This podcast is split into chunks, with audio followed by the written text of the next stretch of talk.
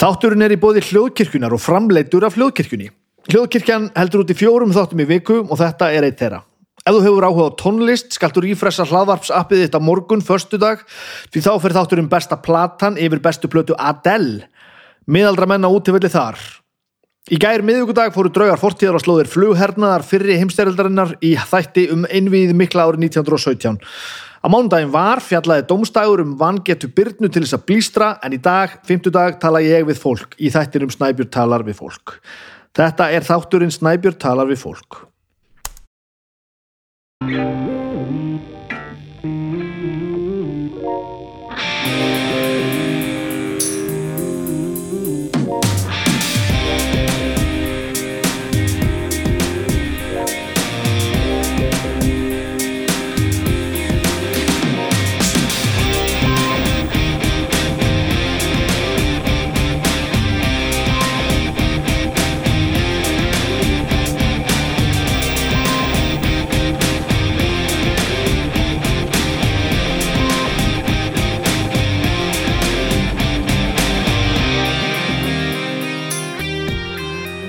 Þannig er það, velkomin í þáttinn minn Snæbjörn tala við fólk.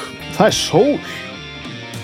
Bara, mér finnst eins og ég hef ekki séð sól bara síðan ég veit bara að ég líka alveg hvernar. Ég vaknaði bara hérna í morgun og það skein sól. Ég hef að tala þetta hérna á miðvíkudegi, bara, bara svona eftir hátiði einhver tíman, svona rétt tæplega hálfur sólarhingur áður en að þessi þáttu fyrir loftið. Og hér er bara, hér er bara gott veður, en þeir eru líka öll, sínist mér öll leikskólaböld á Seltjarnesi eru nála túsunum mínu. Það er hópur hérna af af krökkum nýri fjöru sem ég er að horfa á hérna. Og svo er hérna leikföllur hérna henni með húsi það er svona æslabelgur þar og háfaðin er ólýsanlegur. Þetta er, það er um það er magnað hvað, hvað lítil börn geta haft hátt. Það er allt saman gott. Við erum bara já, við erum svolítið svona eftir brúðkaups sem ekki var brúðkaups slaka það var svolítið fyndið. Við, við, hérna, það var fyndið að, upp, að upplifa brúköpstæðin sinn sem að var svo ekkert brúköp en við fórum bara út að borða og reyndum að virða helstu tveikjumættra reglur og, og, og, og höfðu það bara gott. Og þetta er bara ljómandi skemmtilegt og gott. En auðvitað súrt að hafa ekki gift sig klálega uh, og svo bara ákvaða að taka þann pólinn í hæðin að vera bara áfram í frí. Við, við hefðum getið að fara að vinna og kannski gera ég að morgun að hinni eða eitthvað en við tökum þetta nú bara eins og þetta kemur. Og ég viðkennið alveg, það er ansið næst að skuttla börnunum bara á leikskólan og setja svo bara niður og við tvö og hafa það bara gott. Brúkupsferðin er eiginlega bara svona hérna, við ballaus heima á daginn og, og sinnum krökkunum á, á, á kvöldin. Þetta er bara, þetta hefði ekki verið miklu miklu vera það sem er kannski svona hvað ég segja, svona súrast í þessu öllu saman er, er, er mögulega allir gestinni sem ætluði í brúköp maður er svona búin að vera upplifa það hvað, hérna, hvað þetta fólk er að gera. Við náttúrulega erum ekki fyrir norðan brúköpi átt að vera fyrir norðan og við fáum bara ég er búin að fá símtölu og skilabóða frá fólki sem að ákvaða að fara bara samt fór bara norður og búið að bóka sér alls konar gistingu og ég veit ekki hvað og hvað og fólk bara fór. Og ég er bara að sjá já, ferðasögur á Instagram og, og, og, og fæði skilabóð frá fólki og bara glæsild að sjá að fólki bara gera þetta. Enda þótt að það hefði ekki verið brúköp og svo höfum við svona aðeins verið að sinna fólkinu sem kom frá útlöndum. Það voru nokkra utanlandsferðir pantaðar hann og, og flestar flesta af þessu fólki ákvæmnu bara að koma, skella sér bara. Og uh, uh, það er bara búið að vera skemmtilegt. Uh, sýsti mín og, og maður hennar eru hérna og, og skild fólk Agnesar og svo er eitthvað svona, eitthvað skalmandatengt og við fengum hérna til dæmis fólk í heimsók bara, buðum hinga bara í mat bara í, í, í vikunni. Fólk sem komur allaveg frá Sviss og allaveg í brúköp við gáttum allaveg að gefa þeim bara ég það hérna við eldursporið í staðin sem var ljómandi gott. Þannig að þetta er allt svona það er svona pínur í í tjekk við erum ekki búin að gifta okkur og, og, og þetta er liðið en þetta er ekki heimsendir þetta er ekki það versta sem að hefði geta hend þannig að ég er bara búin að vera að taka til í einhverjum hlaðvarsmálum við erum að vinna í alls konar málum og vorandi nú, nú einhverja tíðenda að, að vænta með það allt saman.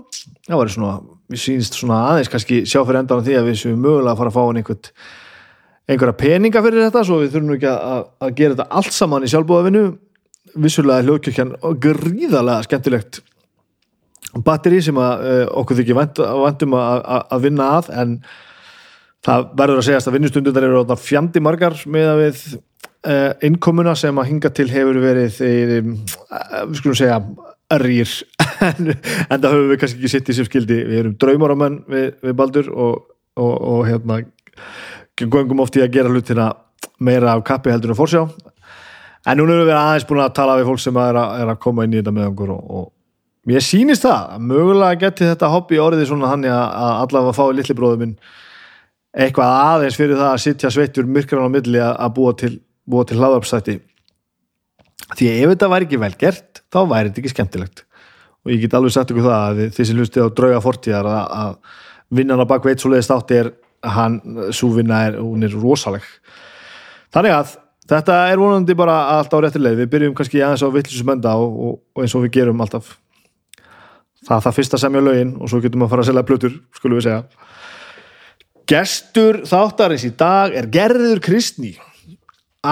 Sem gladdi mér mjög. Hún var, var leið og ég ákvaða að vera með þátt þá var ég búin að ákvaða að ég þurfti að tala við hana. Hún er, ég verða að viðkynna það ég er ekki, ekki mikill lestarhestur ég les ekkert rosalega mikið. Ég held þetta að hafa eitthvað með, með aðtiklisbestin að gera. Ég á ekkert mjög auðvelt með að lesa bækur og, og þá kannski sérilega í skáldsjóður ég missi bara einhvern veginn þráðin ég náði að, að, að berja mig gegn aftur að fara hver að lesa eitthvað fyrir nokkur árum síðan. Og sjónast að vera tíu ár síðan það var endar þegar ég uppgötta að ég hef ekki lesið í mörg ár.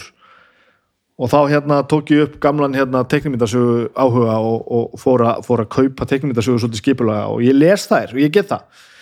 Uh, og svo í framhald af því því ég kefti uh, þegar Agnes gaf mig kindilinn þá prófaði ég að fara að lesa ekki skáldsögur heldur rock æfisögur og umfjallanir. Og, og er búin að lesa mikið af, af, af rockbókum sögur hljómsvita og, og, og sögur tónlistafólks og einhverjum svona gítarsafnara bækur og eitthvað svona, svona meira eitthvað, eitthvað í þáttina en e, skáldskapur er eitthvað sem ég bara á ekkert mjög auðvöld með að lesa af, af, af bók ég, ég veit ekki hvað þetta er ég, ég, missi einhvern veginn þráðin og mér finnst Ætli mér finnist ekki oft bara auðveldar að segja söguna sjálfur heldur en að einhver annar sé að segja mér hana. En að þessu sögðu, að því við verum að tala um gerðikristni, þá var það nokkuð ljóst að það var manniska sem ég þurfti að fá hérna. Það er manniska sem ég nenni að lesa. Ég held að hafi með tvent að gera, eins og hún þetta kemur nú inn á í viðtalinu sem, sem ég tók hérna með hana, að hún, hún kemur sér rosalega mikið strax af kjarnanum, hún segir bara það sem hún vil segja.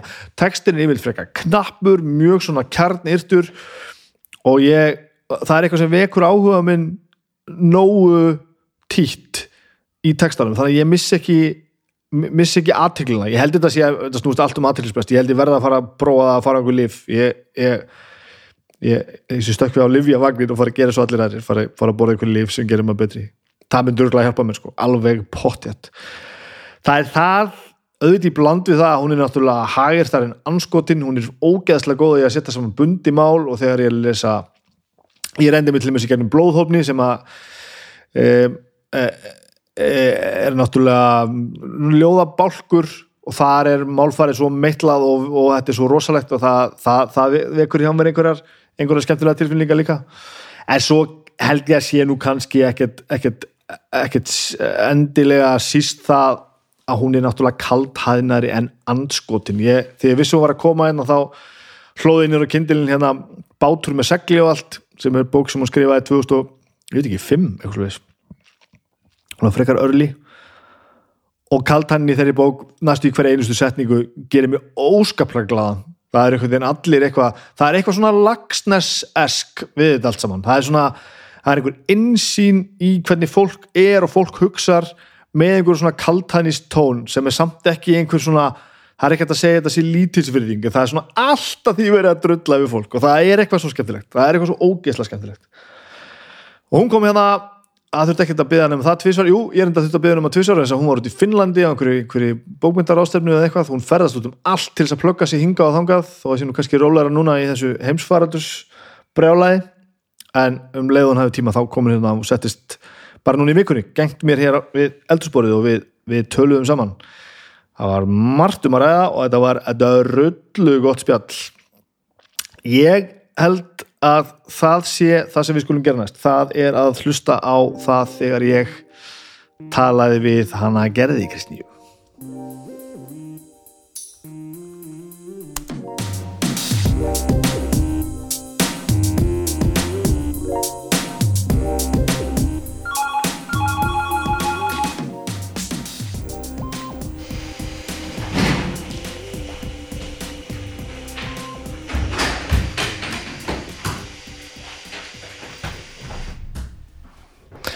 Ég vil bara að fá að vita allt um þig sko. Ná, Ég vil bara byrja eitthvað staðar á byrjuninu og, og, hérna, og vita hvert, hvernig við komumst hingað. Já, ég heiti Gerður Kristný og ég er Guðjónsdóttir, ég eh, er úr Háaleitis-hverfinu, ólst upp í Savamýrinni aðalega, 15 ár, okay. áfram fram, var í Áltamýra skóla og fór í mentaskóla við Hamrallíð síðan á nýmálasvið, let mig dreymum að verða frönsku kennari manni um tíma. Svo tók ég bíapróf í frönsku, 21 á skömmul, skrifaði um fegurðina í hinu ljóta í ljóðum bótilest þannig ég með, ég með hérna, bíapróf í, í, í fegurðina í hinu ljóta og hérna og síðan hef ég alltaf hugsað um frönsku eða franska menningu og hefur lítinn áhuga á henni og og finnst franska nútíma bókmyndir ekkert sérstakar og fylgist lítið með því sem gerist í fransku menningarlífi. Og er beira svona upp á, upp á norrænu höndina þegar kemur á bókmyndum og kvikmyndum. En byrjaði að hugsa um þetta, þetta frösku hann strax. Já, í mentaskóla þá fór ég á, á hérna í bíó, ég fór í nýja bíó með vinkunum minni, henni gerði Bjarnadóttur. Við fórum í bíó og sáum Betty Blue. Ok Þar var bara að berrast að fólk eitthvað að olmast og Betty tekur æðiskast og tekur gaffal og heggur í gegnum handabakið á leiðilum kuna veitingastað og ég hugsaði, vá, þetta er land fyrir mig. Svona getur lífmanns bara verið, bara, maður er bara að berrast að eitthvað að olmast og stinga fólk með gaffli, þetta var gegn. Það þurfti ekki meira til og ég skil þetta, ég skil mjög vel þegar ég er á erlendum hérna, bókmyndaháttíðum og það kemur til mér ungt fólk og segist þeirra heitlað, heitlað af Íslandi vegna þess að það hefur heyrt í Sigurrós. Já, Þú veist það þarf svo lítið til, maður er svo mikill svampur þarna hvað frá, frá 15 til 18 Já, ára já, já. eða 13 jafnvel, maður bara einhvern veginn er að leita sjálfum sér og leita að einhverju svona innblæstri og, og maður fær að velja bara hvað viltu verða og hvernig viltu verða og hver viltu verða. Já, já. og þarna var bara já, Frakland, söður Frakland maður. Og ég var óper heilt sumar í, í, hérna, í frönsku dominikansku nunnuklaustri. Þær ráku hérna gistiheimili og ég fekk að riksuga kongulætna sem höfðu reyðrað um sig upp í hornum á, á hótelherbergjónum þannig að ég var alveg mjög ákveðin í því að, að Frakland væri mitt land fyndið Já, svo bara fór ég þarna í útlettingadeild 19 ára gömul, ég var vetur á undan í skóla þannig ég var svolítið svona snemma þarna mætt út. Mér fannst þetta ekkert gaman. Þá var ég komið til Norður Fraklands borgar sem heiti Caen, C-A-E-N er hún skrefið og hérna Suður Fraklandi mitt svæði, bara nýs og kann og á. Það er ansi mikil munur og, og frakkar á þessum tíma 89 þeir náttúrulega bara frussu þegar fólk kunni ekki reybrennandi frönsku. Já, já, já. það var svolítið svona snúður á þeim. þarna norðar sko. Já, París, ég náði aldrei þessari Parísar romantík sko. En hérna nei, þetta hérna já, svo einhvern veginn í frönskudeildin hérna í háskólanum, það var kennari sem var að hvetja okkur til þess að fara út í túrisma en annars var, voru við ekkert kvartar vorum mikil, mikil stelpustóð þarna til einsnin eins og reynda þegar ég var í bókmyndafræði og bókmyndafræði sem aukafag fólk var ekkert í að hvetja manni, mann áfram í námi eða opna þessi fög einhvern veginn fyrir manni Nei, nei, nei. sem framtíðar starfsvettvang kannski í háskólanum eða við kennslu. Já. Ég lendi bara aldrei á þannig kennurum, þannig að maður var svona feta sig áfram sjálf og svo allt í hennu var komin þarna eitthvað sem hétt hagnýtt fjölmiðlun Já, Þannig ég hugsa að kannski er það leiðin til að fá störf inn á fjölmiðlum. Maður náttúrulega vissi að maður kemist ekkit inn á mokkan að þess að vera í flokknum eða eitthvað álíka. Það var svo ímynd sem ég hafði, auðvitað bara kemst maður síðan áfram á sín eigin, eigin fórsöndum. En hérna þetta að komast inn á íslenska fjölmil og þegar maður heyrði um ríkisútvarpi það var einhvern veginn alveg glata nema maður talaði með norrlenskum hreim og væri mjög skýrmalt, maður heyrði allskinn svona gróðusugur, maður kemist ekki þanga nema að kynni landafræði mjög vel, hvort maður segði í eða á nesköpstaði eða eitthvað, ég, maður heyrði alls og maður leta alltaf svona einhvern veginn stöðva sig í staðan fyrir að maður sæju nú möguleikana þá og maður ætti bara að vaða áfram og sanna sig. Þá hérna já, neini, það var ekkit fyrir mig. Það sem þú ert að segja með námi samt. Þetta er svo, maður mann samt eftir þessu. Man, það var á svo mikið verið að kenna manni bara til þess að kenna manni. Já. það var ekki að segja manni hérna, herðu, svo ef við hérna kennum okkur þetta, þá getur við kannski farið og gert þetta, heldur bara já. svona nú getur við þauðluðið bara allar höfuborgir heimsins og bara, hvað á ég að gera við það? Emmitt Kenslan, kensluna vegna eitthvað ja, Já, það væri erfitt, sko. til eitthvað svona mastersnám eða það væri gaman að sinna fræðistörfum eða Já. nei, maður heyrði þetta nú ekki sko. En hérna en ég var byrjuð að skrifa, ég tók þátt í sem flestum samkeppnum þegar ég var bæði í mentaskóla og, og í háskólanum og stundum komst ég á blad og stundum ekki en mér var alveg sama, ég vissi að ég erði skáld og ég vissi að ég var skáld, ég byrjuð að kynna mig sem skáld strax í mentaskóla bara eins og aðri sögðu frá því að þeir væri í hljómsveit eða spiliðu handbólta þá var ég skáld, ég var yrkja þannig að hlaut, ég hlaut að vera skáld. Já, ég hef svolítið gett svolítið að yrkja sko. Já, já. Ég, ég verð alltaf pínu kjánalegur þegar ég fer að kalla mig skáld. Prófaði það bara. Þetta er snýstum sko að, að líta á sig sjálfur sem skáld og þá kannski koma aðrir í kjálfarið sko og fara að líta á maður sem skáld. já, en ég bara ætlaði þennan veg en ég vissi svo sem ekkert hvenar ég fær að gefa út fyrstu bókina og svona, það þurfti maður ekki að þekka einhvern inn á forlugun þá kom það aftur sko Já. það var oft tannig, þetta voru svona börn og skildmenni annara rítöfund og skálda sem voru einhvern veginn byrjuð að yrkja og byrt eftir sig og já, nei þetta var kannski ekki fyrir mig, ég veit það ekki maður var svolítið í því að draga úr sér, draga úr, já, já. úr sér sko þannig að já, já, en svo bara einhvern veginn svo vann ég einhverja keppni og allt innu sáldraðast yfir mann smottir í sjálfströst að þurfti það til. Já, já, já.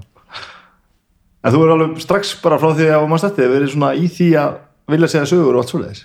Já, ég las voðalega mikið og mér fannst gaman að, að teikna myndir og, og segja sögur og allt innu var ég farin að allt innu var ég hægt að teikna og, og, en held áfram að semja og fekk hrós í skóla fyrir rítgerðir og svona og ég náttúrulega fekk heldur ekki hrós fyrir neitt annað.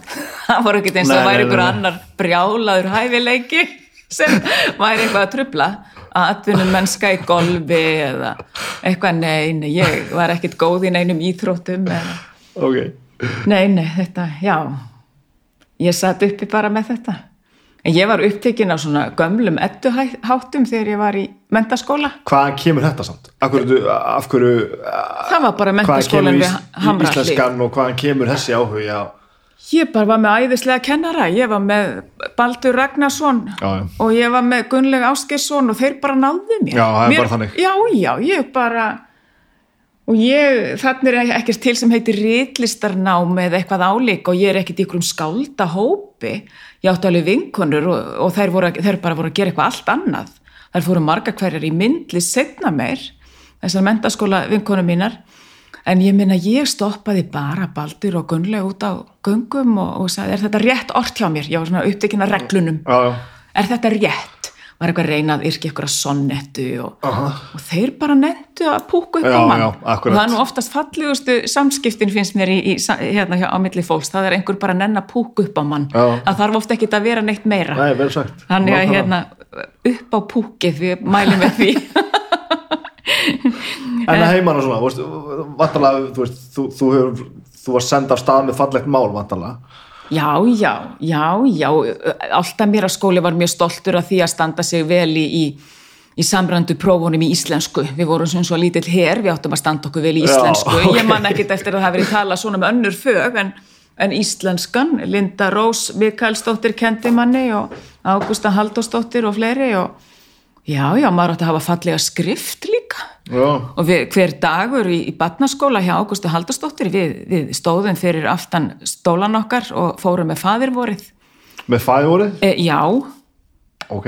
Já, já, það var alveg þannig og svo settist við niður og svo mátti náttúrulega bara eineltið hefjast strax í fyrstu fríminútum sko en, en ekki á þess að maður færi fyrst með fæðir voru en þetta var bara æðislegt þetta er frábært og við fæði voru fylltir eitthvað já, já Já, já, ég er alveg, ég, hef, ég er sálmsskáld, ég hef orðið eitt sálm fyrir þjóðkirkjuna. Hefurðu? Já, já, sem er stundum sungin og, og við, við Bára Grímsdóttir samt í ofbóðslega fallegt lag, þetta heitir Vanghaf. Var, ég var beðin um þetta verkefni eitthvað tíman að semja sálm og ég saði bara yes sir í bob og vatt mér í máli enda sunnudagaskóla gengin manneskjan og búin að vera óper í, í Dominikansku munnuklustri, Já. ég bara, hvers vegna ekki? fullkomin bakgrunni í þetta Hva, í, Já, já. í hvaða stellinga setur maður sér til að semja sálm E, Þarna átti ég lítið batt þannig að ég bara strauk yfir kollin á hjalta mínum og, og orti til hans. Já. Þannig að það var engin vandi. þetta er ekki vesti sálmun í sálmabókinni, ég get alveg sagt þér það Þeir eru misjafnir og svo finnst mér líka að fyndi sko þegar fólk þorir ekki að segja nei við svona verkefni en er samt ekkert trú að þú hefur engan áhug og síðan þá bara um blómin og fugglana í staðinn sko. En já. jú, það er einhver trú í því líka. já, algjörlega. Einhver skapaði þetta. Nei, þetta er bara trúin, maður á bara að halda í hana, allt sem bara gleður og nærir mann þá bara. Já, það er rétt. Já, svo lengi sem fólk finnur hana bara sjálft já, já. Gerir það sem það vill, þá er það alveg Hildur. Eyr segir, ef fólk vill trúa þá er það líka trú. Þannig að þetta er ekki svo þetta er ekki svo nóið nei, þetta er fallegt, já, þetta er mjög fallegt. Og svo þú fer svo í bókmyndafræði, er ekki? Bókmyndafræði sem aukafag. Mér fannst franskan hljóta Já, að vera prakt ég, ég, er er mjög, þannig, ég er mjög praktísk. Og mér fannst eitthvað veginn svona ég er svona öryggisfíkill og, og, og, og hérna, voða lítill hipp í mér. Ég, vin, ég hef alltaf vaknað á mótnan og byrjað að vinna, ég er morgunmanneska mikil og hérna ég hugsa að franskan, það er hérna praktíska fæið, ímyndaði ég mér. Ok. tek hana sem aðalfag og geti orðið svona hérna, þýðandi úr frönsku eða eitthvað, skjala þýðandi jafnvel. Og ertu Unnið- það, er, Nei, nei. svona praktíska við. Ég er mjög praktísk, já, já, ég á mjög erfitt með að, að hérna, ég vil bara fá minn launa seðil og vitum verkefni og það er mjög fyndið að vinna við kreatífa skriftir og vera svona praktískur já, ég hérna var lengi vel rétt. Og bjó mér í hægin, ég hérna var, var rítstjóri mannlífs í sex ár og, og hérna það, það tók oft á og- en var mjög einmitt skapandi og skemmtilegt. Og þar fann ég svona fjölina mín og ég við undarförnum bálkum hef ég verið að yrkju mörg þeirra efna sem ég sem ég hérna, skrifað um sem bladamaður, svona tekið upp aftur, ég finn bara ég er ekki búin með þetta. já, Þannig að hérna, mjög mikill innblástur úr, úr bladamennskunni. En þarna bjó ég mér í hæginn og, og, og þetta sem maður, já, ég bjó ekkit í fórstofa herbergi hjá fóreldurum mínum, ég bara egnaðist íbúð og, og svo framvegs, greitti niður námslánin. Það er, hérna, það er mikilvægt í íslensku samfélagi og hérna, og svo fór ég til Fraklands 2003, var þar í, í Suður Frakland í Nýs í, þrjá mánuði og skrifaði bók sem heitir Bátur með segli og allt. ég er að lesa hana aftur hana ég vissi að þú varst að koma þá ég kipta hana á kindilinu og lesa hana Jæja, já, takk fyrir það. djúvöldur er þetta skemmtilegt maður Jæja, ekki álega? ég bara, ha, ha, er þetta skemmtilegt? Já, ok, já, já, það er svona þegar maður les gömulverk eftir sjálfa sig, þegar maður svona hittir sjálfa sig fyrir og Já, hvað var ég að akkurat. velta þessu fyrir mér? Gerur það, veistu? Já, stundum, Það er vel gert já, gá- hver ég, svona, til, að, til að hitta sjálfa mig fyrir, Já. en þarna tók ég þá ákvörður með eigimanni mínum að, að ég skildi verða atvinnu höfundur. Mér allt í henni var ég bara komin í, í frið og ró og mér fannst bara ég fá svo margar hugmyndir. Og þetta er alveg eftir þetta blaðamennskuna og allt saman Já, þannig er ég búin að vera rittstjóri í kannski fimm ár, þannig að ég svona lauk sjötta árinu og hætti svo og þarna líka hafði ég skrifað barnabók. Mér langar svo að verða barnabókahöfundur. Já, Það er svalast. Er það svonast? Já, það er það. Meina við hérna á Norðurlöndunum, við höfum öll lesið Astrid Lindgren og Tove Jansson og, og kannski Danirnir með, með hérna, Óli Lund Kirkegård og, og auðvitað Torbjörn Egner og ég vissum að þessi ástæða, ástæðan fyrir því að við erum með þetta skandinúar, þessar dimmu skandinavísku krimma, það er vegna þess að við lásum Tove Jansson Já. og Astrid Já. Lindgren, það er ekkert gefið eftir í myrkrinni í þessum barnabókum. Nei. Þetta er bara alvöru stöf. Já, þetta er grjótart oft Já, og, og, og það, er- komið innblásturinn. þannig að hérna, já, já, þannig að þarna eh, 2003 hafði ég gefið út árið áður mörtu smörtu sem fekk fína dóma og var vel tekið allt ég nátti í bók á metsölulistum og ég sagði bara ég, þetta verði ég, ég verði að halda áfram með þetta Já. skrifa barnabækur, yrkjastundum ljóð demba mér í fullorinskaldsur, gá hvað gerist að þú varst búin að gefa út á undan þessu já, já, að- já, já, ég hafði gefið út smásögur og ljóðabækur tværa mestakosti þannig að, og, og regnbói postinu sem kom út 96 þannig að já, ég var alveg komin á, á fart en ég hafði ekki þórað að gefa mér ge, að, að hérna, vinda mér í, í svona, at, fara í atvinnumennskuna. Nei, ég skilji þannig að þarna tók ég þá ákvörðun. En var þetta ekkert mála þegar þú varst komið með, þú veist, búin að yrkja eitthvað, búin að skrifa eitthvað, labbaður þá bara til útgefanda og, og, og, og Já, hvernig var það nú? Ég hérna hefði unnið samkeppni hjá ríkis, út, eh, ríkis sjónvarpinu og ég hafði, og ég var alltaf í námi, ég hérna, þannig að ég held ég hafi átt svona átta eða tíu ljóð, þannig ég síndi Halldóri Guðmundsinni þetta, maður, maður prentaði þetta út á prentaranum sínum og fór með til, velritaða fermingarítvél rammastur ítvél, takk fyrir, Aha. og síndunum og Og Haldur tók mér vel og sagði mann ég, við viljum ógjarnan missa þið til annars útgefanda. Þannig að já, mér mann þetta en þá. ok, Þetta var monthornið, kæru hlustendur. það, það er sérst dugað að gera hlutina bara vel og fara á sína það og þá já, og hann virkar það. sagði sko, bara haltu áfram, Já. bara sapnaði handrit og mað, þá maður alltaf, hvað hva, hva þarf það að vera mikið? Og ég hef alltaf, er vandamál þegar ég þarf að skrifa greinar, alltaf í, í námi, sko, ég skrifa svo stutt. Ég er mjög stutt, fljót að koma mér af, af því sem mér finnst að vera aðalatriðin. Já. Þannig ég sagði, vá, ég á aldrei eftir að sapna, fyrsta ljóðabóki mín og aldrei eftir að hafa 70 góð ljóð eða 50 og það eru 20 ljóð í ísfrétt. Já, En þarna nauti líka mjög góðs af því að mál og menning var með ljóðabóka klubb. Ég held að annan hvert mánuð, það getur nú vallaði verið hvern einasta mánuð, annan hvert mánuð átti mál og menning að senda ljóðabók til áskrifenda sinna. Þannig að bókin kemur út í 400 eintökum og, og bara fer til áskrifenda fyrstu, eða þú veist, helmingurinn af upplæginu. Og nú er þetta orðið að einhverju hérna, fágæti og hægt að kaupa eintaka þessu dýrum dómum sá ég á netinu hjá einni fórbókasölunni. Sannarður alltaf alveg. Já, þetta er svolítið bilað. En þetta er mjög þunn bók, en, en bóksamt. Já. Þannig að þannig hóf ég ferilinn og, og fekk óskupfallega dóma. En varst ekkert endilega á leiðinni þarna að verða atvinnu skáld slass 24 ára? Já, Já, ég einhvern veginn, nei ekki þarna, ekki svona ung og ég man að ég er út á götu þarna hitti eitt, eitt kollega minn og sa- sem segir við mig, heyrðu, þú gæla mér bókina, nú getur þú sótt um listamannalaun og ég er þarna 24 og ég segi, ha, hvað er það? Ég hef aldrei heyrt um þetta. Er, er það til? Var komin með bók sko. Þannig að þá vissi ég að það var til og fór svona að fylgjast með sumir, þá var þessu skipt mjög niður, sumir fenguð þú veist þrjá mánuði sumir fenguð hálft ár og eitthvað álíka en það var þetta að fá mjög stutt tímabil líka. Er það ekki að það? Já, núna eftir, eftir hérna COVID, þá er þetta allt í einu komið þannig líka það var, svo um tíma var, fekk engin minna en hálft ár, sko. Já, ok, ok. Þannig að þetta er svona misjant, hver situr í nefndinni og hvað þau vilja gera, sko, en, en þarna, bara þá vissi ég að því og ég náttúrulega beið með að sækjum það.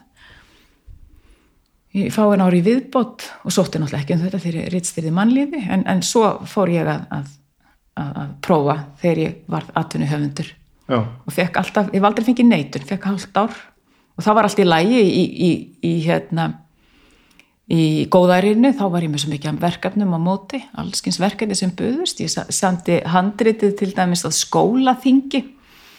Hver uh, mentas, nei, gagfræðaskóla uh, bekkur er, er sendur í, skó, í skólaþing sem alþingi sérum ok.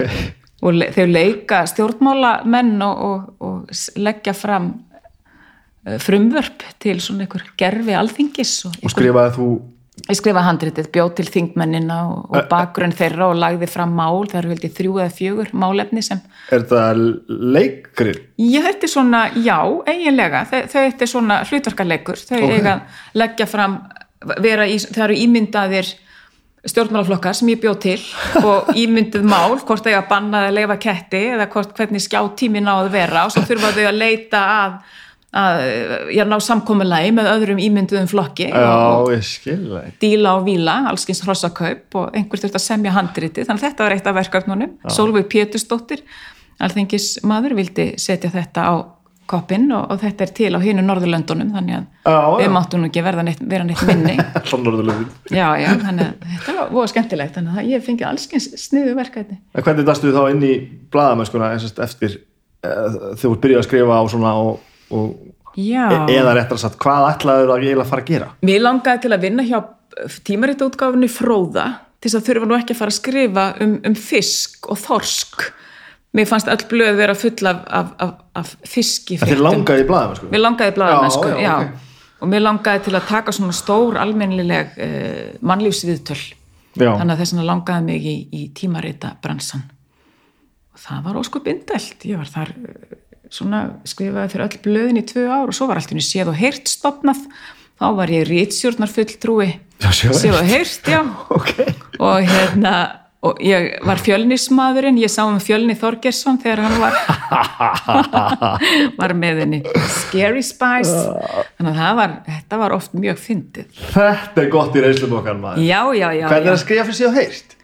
Það var oft skemmtilegt get ég sagt þér. Og fólk, og náttúrulega bara við unnum þetta svo önnur aðra blaðamenn sko, fólk, fólk vildi lesa yfir viðtalið. Maður faksaði þá til þess Já, eða, já. eða las í síman og gat þá got, viðmælendin leðri þetta. Var bara sömu vinnubröð og annar staðar. Já. Svo var þetta skrítið þegar leiða þess á síðan heyrt það má vel vera. Varst ekki lausur þessu þá að. kannski. Já, já, þetta var líf og fjör. Og svo náttúrulega var ég hérna eini kvenmar um tíma þannig að maður gæti nú oft leðrétt allskyns vitleysu. Já. eins og þegar Claudia Schiffer var alltaf sögð eitthvað lauslátt þegar hún skiptið mann en, en gauratni sem eignuðust nýjar kærustur voru óttalegir gósar þá átti ég það alveg til að pikka öxlinn og samstagsmanni mínum og segja nei, veistu, nú skulum við tala saman. Þetta er hvað þetta er stutt síðan já, Ekki það, þetta, þetta er svo sem alveg stundum með þá já, já, vantar svona kvennmannsnöfn og eitthvað svona það, já, það er nú það sem við erum að benda á núna hérna, við, við feministar feminista hjörð Íslands við hérna, erum svolítið hissastundum á, á ónafgrendu konunni. Þetta er rosalega fast í, í, í okkur já, og þá koma nýjar, nýjar kynnslóðir ungra kalla að skrifa og nýra kvenna en einhvern veginn bara svona sama vandamáli er alltaf. Þetta er ótrúlega skyttið maður. Já. Já, það er erfitt að vera feminist ef maður hefur ekki húmor. Það er hérna, stundum er ósköp gott að flissa bara að þessu og, og slá sér á lær og svo heldur maður bara áttinni áfram. Já. Erstu aktiv í þessu? Eh, Horfur í kringu þig? Já, já, ég bara er, er með feminista glerugun uppi og, og ég er svolítið í hausatalningunni Já, Já, svona hvað eru margar fréttur um konur og, og þegar ég sé fórsýðu blaðana hvað eru kallar að segja eitthvað merkild í dag eða Já, já. er það konur eða? Þannig að- Já, já, ég, þetta bara kemur alveg ósalrátt hjá mér. Það er gott. Já, já. Þetta er, þegar ég ákvað að fara að stað með þenn, þennan þátt þá ákvað ég það að það er yfir 50-50 ki- Já, já. kynin Það er pínu streð. Já, Ég veit að ég er 42 ára loðin kallmaður, sko. Já, þú getur ekkert gert að því. Nei, ég get Nei. gert að því. En það er mögulega, mögulega ég get kannski verið minna loðin, ég myndi reyna. En, en hérna það er mér miklu erfiðar að fá kóru til að koma endur en kalla Já, og það er starrið, ég þarf að hafa miklu meira fyrir því að fá kórunum til að koma ok. Og það er svo sem ekkert meira um það að segja en, en þetta komur pínu á, á, á óvart að það er þannig. Já. Já, já, þá eru þær kannski bara endar af einhverjum skrítnum viðtölum þar sem umræðan hefur einhvern veginn snúist út í eitthvað rugl í er, þetta ekki nefnilega nákvæmlega það? gæti verið bara, maður bara til hvers til hvers að fara í viðtal og, og svo er maður bara spurður um hvað sé veskinu eða eitthvað líka. Það má vel verið er, bara, þetta er leðilegt þetta skulle vera svona, þetta er bara og eitthvað hálf óþróti Já, já, en þú varst, uh, þetta var mann, mannlíf Já, já. og hvað? Já, já, ég rýtst í mannlífi í sex ár þannig að það var búið og skemmtilegt það, Vann með, ertu þar að gera ertu þá að sækist eftir að, að búa til svona alvöru umfjallanir og alvöru viðtölum Já, um mannlíf hafði verið til lengi vel þannig að konsepti var til, þú veist, það átt að vera forsíðan var með mannesku sem var í viðtali í blaðinu til dæmis, Já, þetta já, var já. ekki bara einhver fyrirsett út í já, bæ. þannig að, að við erum alltaf að finna gott forsýðu efni og stundum tókst það og stundum ekki, svo vissi maður að í september þá, var- þá skipti litlu máli hvað maður hafði á forsýðinu, þá var fólk að senda börni sín í skólan, tímdi ekki að kaupa dýrt glanstímarit út í veitna, úr, úr, út í búð Já. og ná allt skóladótið og þannig að þetta var fór líka bara eftir ástíðum fólk kefti blaði fyrir vestlunum hana helgar jólablaði gætt selst vel þannig að hérna, og svo var þetta bara blandan Já. að það væri svona skemmtileg manneskja á fossíðu og, og falleg fossíða og hérna og það var oft mjög hátílegt fyrir fólk að vera framann á mannlífi fólki, fó- sumir voru skítrættir við það um eitt og bara nei, ég er til í að vera í blaðinu en ekki, ekki á fossíðinni sko. Já, já. Aðri voru bara átti sér þann draum að vera á fossíðinni og þetta var bara gaman og hátílegt og, og hérna, þannig að það var En þetta voru svona alvöru umfjallanir um alvöru mál. Þetta var- vonandi, svo var það að vera eitthvað svona alvöru grein innan í og svo eitthvað svona pop og sniðugt efni líka Já. og mér fannst mjög áhugavert að skrifa um glæpi ég fekk svolítið svona uh, ég mér langaði til að vita maður, maður las um einhverja menn í að yfirleitt kalla sem höfðu verið dæmdir í fangelsi og maður langaði til að vita hvaða, hvaða menn voru þetta, hvaðan komu þeir? Voru þetta bara frændur okkar og vinir og bræður og sinir og, og við tölum ekkert um þá meir og hvað verður um þá, þú veist, hvað, hvað er að setja í fangelsi? Við mást þetta mjög áhugavert og, og fóstundum inn á litla hraun og, og tók við töl við, við menn sem sátu þar inni. Já, já. og þeir sögðu stundum það sama heyrði ég. Ég er ekkert hættulegur. Sjáðu mig bara, ég er ekkert hættulegur það var oft þetta sem þeim lág á hjarta og vildu segja við mig. Þannig að mér fannst þetta oft bara áhugaverðar stundir og áhugavert að koma með kassettuna heim og byrja að vinna úr viðtalinu og sjá hvað okkur hefði færið á milli. Þetta er rosalegt. já, Þetta er einsýn í einhvern heim maður. já, sitja þarna á sokkalistónum maður verður alltaf að fara úr skónum sko, þetta er svo heima hjá þér. Þegar maður fyrir á litla hrein, þá fyrir maður úr skónum þetta er þetta oft í hug þegar ég fyrir og lesi í skólum og byrðum úr skónum fyrst, bara, ok, litla hrein en ég fann að hafa með mig bara inn í skó þegar ég lesi upp í skólum. Þetta fót kulda en einhvern tíma tók ég viðtal líka við mann sem játaði á sig morð og, og hérna og svo lefðu við bara löggun að lesa það í blaðinu. Já, það á sig í viðtalinu. já, ringdi mig, í mig hann, hann hérna Þórhallur Ölver Gunnlaugsson hétt hann sagði ég er nýkomin úr einangrun? Ég er grunar um að hafa myrt um, Agnar Agnarsson hétt hann sem hann var grunar um að hafa myrt og ég ætla að segja þér frá því. Svo skrifaði hann mig á, heim, á gestalistan. Ég fór inn á litla hraun þetta var að sumri til 1999 ef ég maður rétt. Og ég hitt hann bara sem venjulegur viðmælandi smyglaði inn diktofónum fóninum. Og tók við hann viðtal hann saði mér hvernig, borið, hvernig þetta hafi borið við.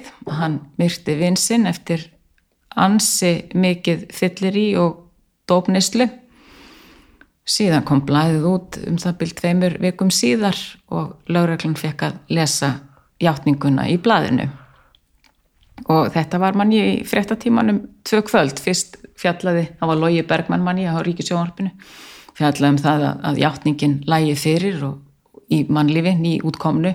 Og svo næsta kvöld var hvernig í ósköpunum þessum blaðamanni hefði tekist að smykla inn diktafónunum, þannig að þetta var nú ekkit flókið sko, maður setti þetta bara í vasan og lappaði inn.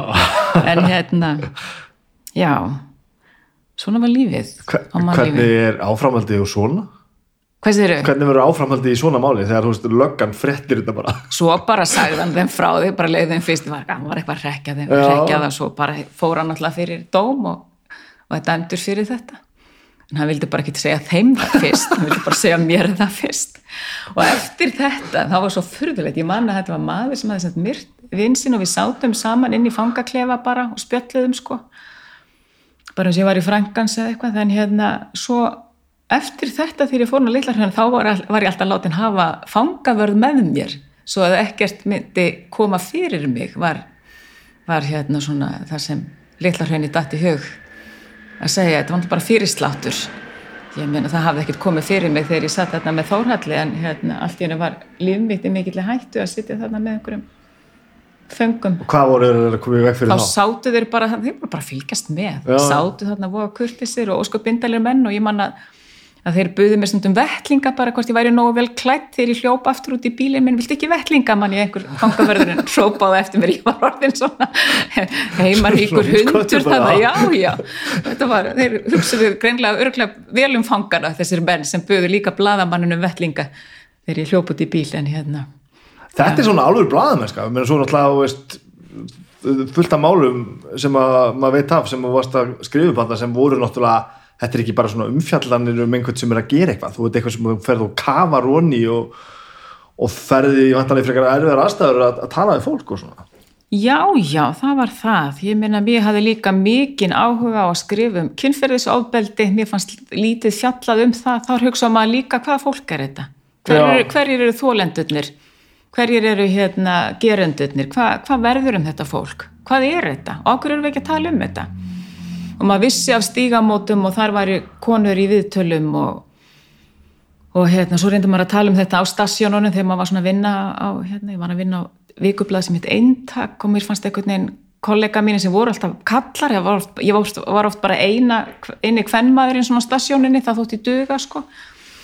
Að hérna bara eins og í Talking Heads og Sonic Youth eða ekki? Jó, Pixies. Já, ein kettling það duga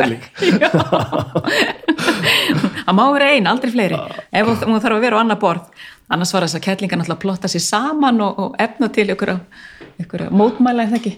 Þannig að það er stóru varasamt. Stofna kvennfjölug inn á hljómsveitan segi sér sjálf, það hefði bara farið út í ykkur, ykkur, ykkur vittlisu en já, mér fannst þeir ekkit sérstaklega áhuga samir um þetta. Þetta var náttúrulega vandraða mál og, og hérna við vorum all bara einhvern veginn vandraðileg yfir þessum útiháttíðum sem enduðu með skelvingustundum og þannig já, ég hafði áhuga á að fjalla meir um þetta.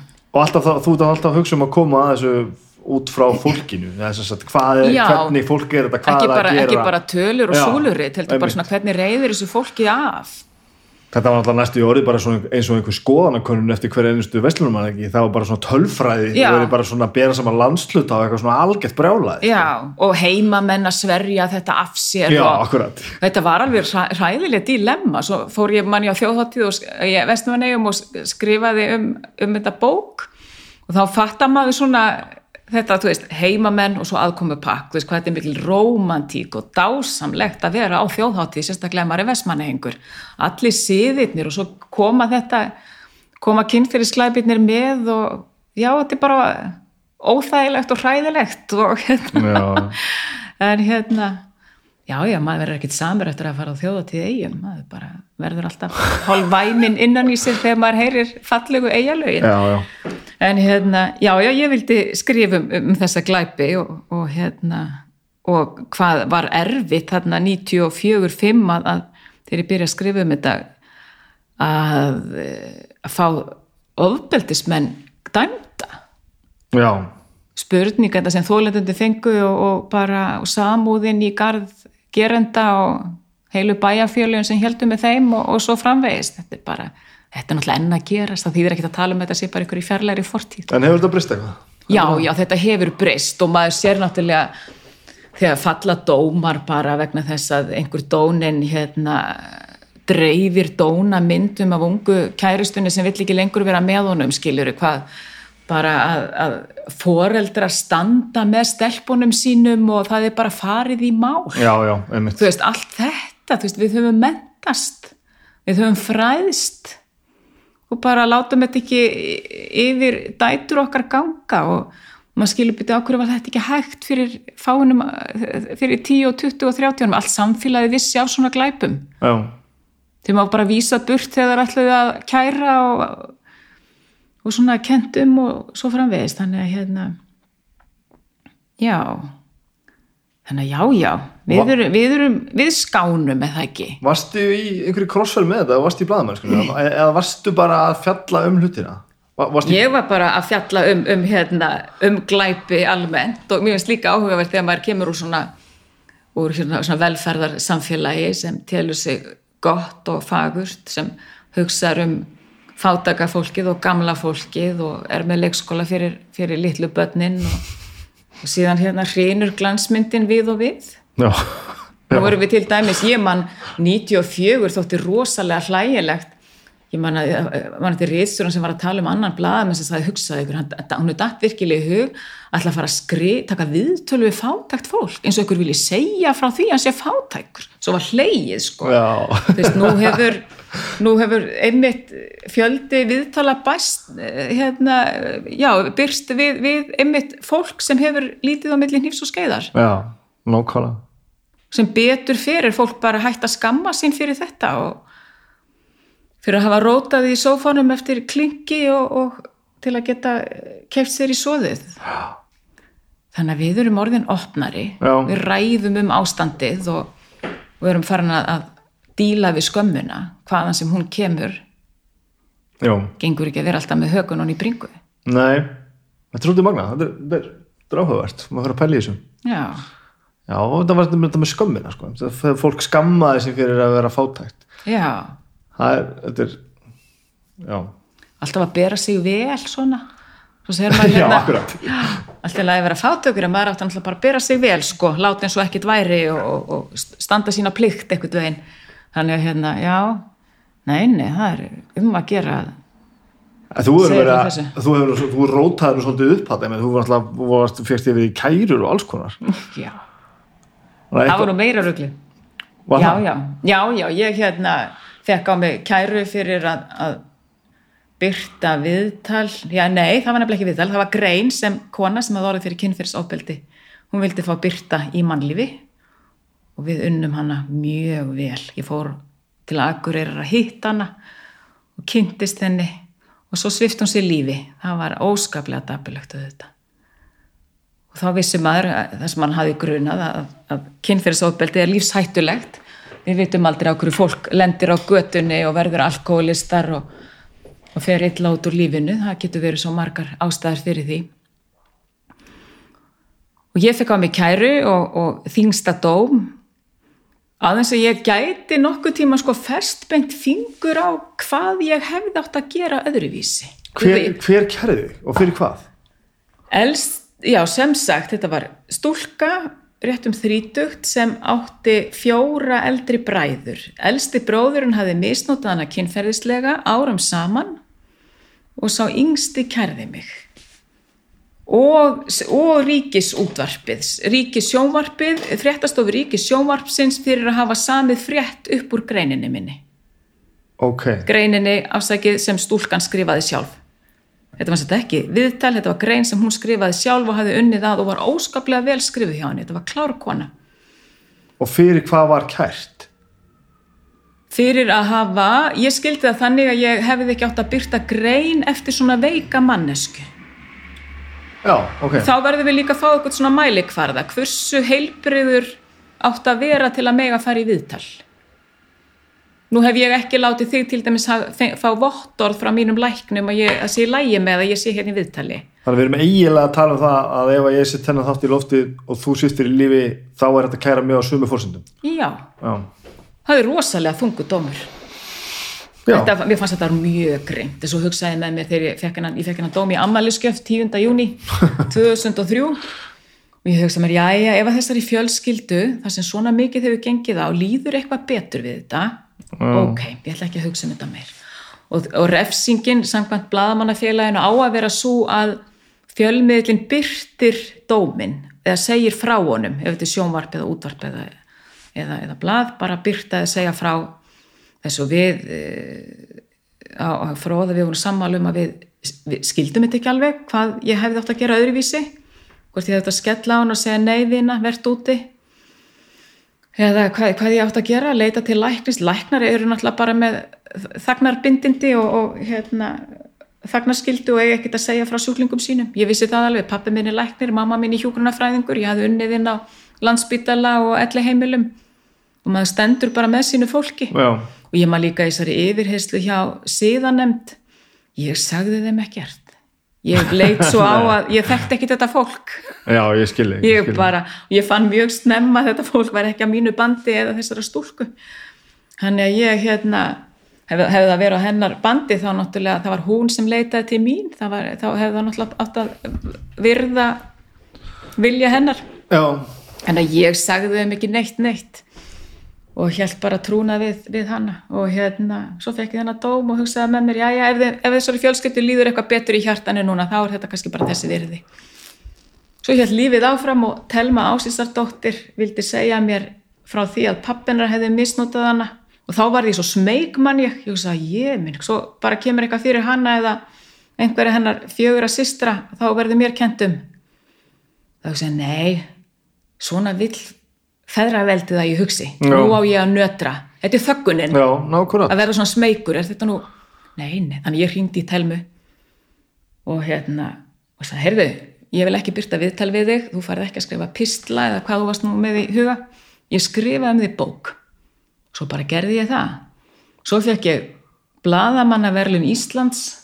Íslensku bladamannaverlun heitaði fyrir bókin og þá fór ég að hugsa um þennan ljóta síðanemdartóm Já. Þá fór eitthvað að rótast í mig Já. bara hver anskotin hvernig getur maður hérna fengið eitthvað svona ljótan dóm fyrir að hafa þegið grein? En svo fæ ég bara eitthvað velun fyrir að skrifa heila bók sem er alltaf miklu verri glæpur. Ekki leitaði ég til lækna tel með ásísadóttur Og basically alveg á sömu fórsendum. Þetta er bara, Já, bara já, einhver sem hlusta kemur á þessar konur. Já, hlusta á þessar konur. Til hvers er maður bladamaður eða rithöfundur? Ef maður nýtir ekki krafta sína til þess að gefa öðrum rödd sem hafa, það hafa hann ekki í samfélaginu. Þannig að hérna ég bara letu vaða og við vorum ekki með neitt hérna, við þurftum að selja þessa hugmynd manni það var inn á útgáðunar það hafði engin áhuga á að gefa þetta út. Þetta er náttúrulega, vantarlega þegar þú lýsir því hvað það ætlar að gera, er nú býsta yfir þegar maður aðeins, fólk Svona, svona, sko, fagnað ég já. já, já, ég man alveg ég hitti bókmyndamanniskut á göti rétt hjá melabúðinu og svona, ert þú með bóki bóki haust? Og ég bara, já, það er þeim stúlku hérna sem hérna, pappinar beitt hana kynferðis uh, beitt hana kynferðis ábeldi og, og leiði hana út til annara hérna, pedofíla. Og þá svona sló svona þögn á manneskina bara, já. Það er svona þægilega hefði ég sett bara ég ætlaði að skrifa ballið á bestastöðum eða mörtu smörtu eitthvað snetti en hérna en já Telma las mikið í æsku ég hérna og glemdi sér þannig og ég hugsa oft til hennar þegar ég er að skrifa barnabækur Já.